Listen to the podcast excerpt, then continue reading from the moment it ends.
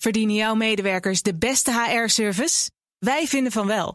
Numbers combineert payroll met slimme HR-features. Bespaar kosten en geef medewerkers eenvoudig toegang tot verlof, declaraties en loonstroken. Probeer Numbers op nmbrs.nl. Dit is een BNR-podcast. 8. Wetenschap vandaag. Een Nederlands satellietinstrument heeft voor het eerst succesvol data via een laser naar de aarde verstuurd. Die geslaagde test is een belangrijke mijlpaal voor de ruimtevaartindustrie in ons land. En daarom gaan we erover praten met wetenschapsredacteur Carlijn Meinders. Hey Carlijn. Hoi. Waarom is het zo belangrijk? Uh, nou, er wordt hier in Nederland al enige tijd gewerkt aan technologie die laser-satellietcommunicatie mogelijk moet maken. Niet iedereen zal precies weten wat dat is. Dick de Bruin van TNO weet dat gelukkig wel.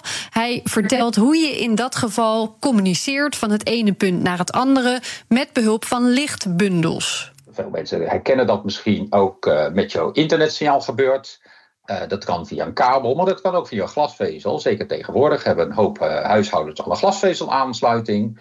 En eigenlijk is het precies hetzelfde wat wij doen. Alleen dit licht wat wij met laser-satellietcommunicatie doen, doen we niet via een glasvezel, want dan zou je een hele lange vezel nodig hebben. Plus dat de satelliet beweegt, dus dat wordt het toch wat lastig. Dus die bundel, die lichtbundel die op de aarde door een glasvezel vaak beweegt, gaat in ons geval door de vrije lucht.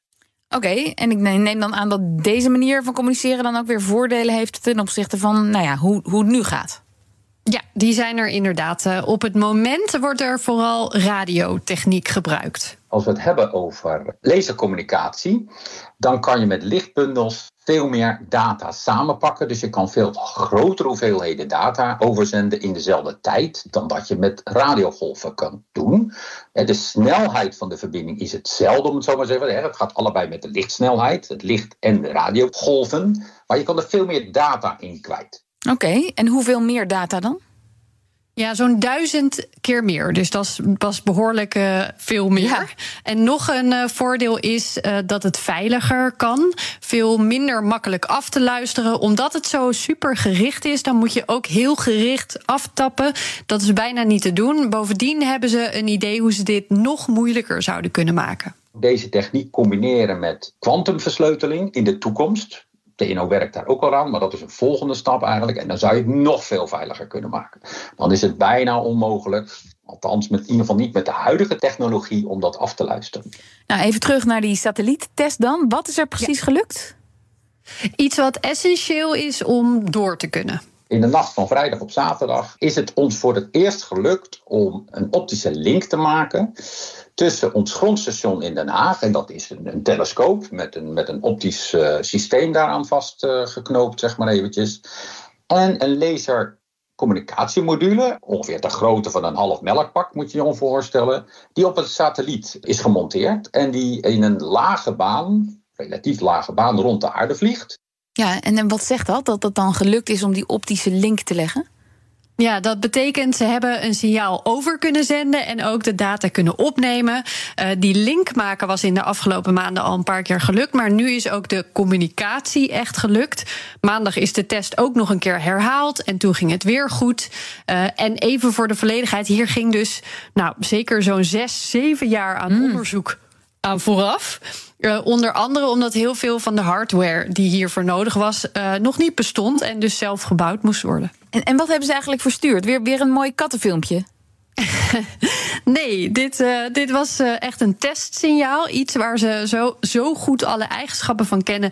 dat je ook exact kunt meten uh, hoe het binnenkomt en of dat klopt. Maar de Bruin sloot niet uit dat ze dat ook nog wel gingen doen. Hmm. Maar ik heb wel even gepleit dan voor een hondenfilmpje.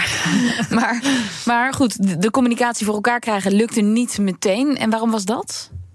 Omdat het echt niet makkelijk is. Die bundels moeten door de atmosfeer.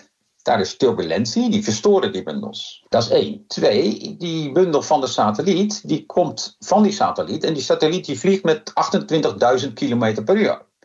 Of een kleine 8 km per seconde. Dat is best wel rap. En je moet je dus voorstellen dat in 10 minuten de satelliet van horizon tot horizon vliegt. Dus in 10 minuten is die, is die uit het zicht weer. Dus het moet allemaal snel gebeuren. Moet dus nauwkeurig gericht worden. Ja, dat klinkt inderdaad niet heel makkelijk. Nee, nee. En dan is het ook nog eens zo dat ze dus al die nieuwe instrumenten ja, eigenlijk nog moesten leren gebruiken. Maar goed, het is wel gelukt. Ja, en dan nu, wat is de volgende mijlpaal? Ja, nu begint eigenlijk de volgende ronde met testen, waarin bijvoorbeeld gekeken wordt naar allerlei eigenschappen van die verbinding en hoe stabiel die is in verschillende omstandigheden. Dus het is zeker niet zo dat wij nu gelijk dat we zeggen, we, we draaien de knop om en we hebben een verbinding, om, uh, hè, om het zo te zeggen. Er komt gewoon heel veel bij kijken. En er wil allerlei onderzoek. Hè, er zijn studenten ook van de TU Delft zijn aan het kijken. Die zitten te springen op data van ons, zoveel mogelijk data, zodat ze kunnen analyseren van hey, hoe gaat het nou onder verschillende weersomstandigheden? Uh, je kunt je voorstellen, als het zwaar bewolkt is, dan kunnen we die link niet maken, want dan, dan kan je er niet doorheen kijken. Uh, maar ja, wat als er nou een paar wolkjes zijn, lichte wolkjes, of als het een beetje waait, of als, uh, nou, noem maar op, de vochtigheid in de atmosfeer anders is. Als de hoeveelheid licht meer of minder is die we ontvangen, waar zit precies de grens? Ja, nou ja, wind, bewolking. Is Nederland dan wel het goede land ervoor? Ja, daar is natuurlijk wel over nagedacht. Er wordt uh, bijvoorbeeld al samengewerkt met andere landen in Europa om te kijken, kunnen we een netwerk van grondstations en satellietinstrumenten opzetten, zodat je dat opvangt, hè, als het ergens bewolkt is, mm. maar ergens anders niet. Uh, maar er wordt natuurlijk ook geprobeerd om, om juist hier in Nederland banen en inkomen hier uit te halen, inkomsten. Uh, er wordt al gepraat met de industrie hier in Nederland, met bedrijven die de techniek willen overnemen. Okay. En met zo'n test als deze ja, is het commercieel uitrollen van zo'n techniek wel weer een flinke stap dichterbij. Dankjewel, Carlijn. Verdienen jouw medewerkers de beste HR-service? Wij vinden van wel. Numbers combineert payroll met slimme HR-features. Bespaar kosten en geef medewerkers eenvoudig toegang tot verlof, declaraties en loonstroken. Probeer Numbers op nmbrs.nl.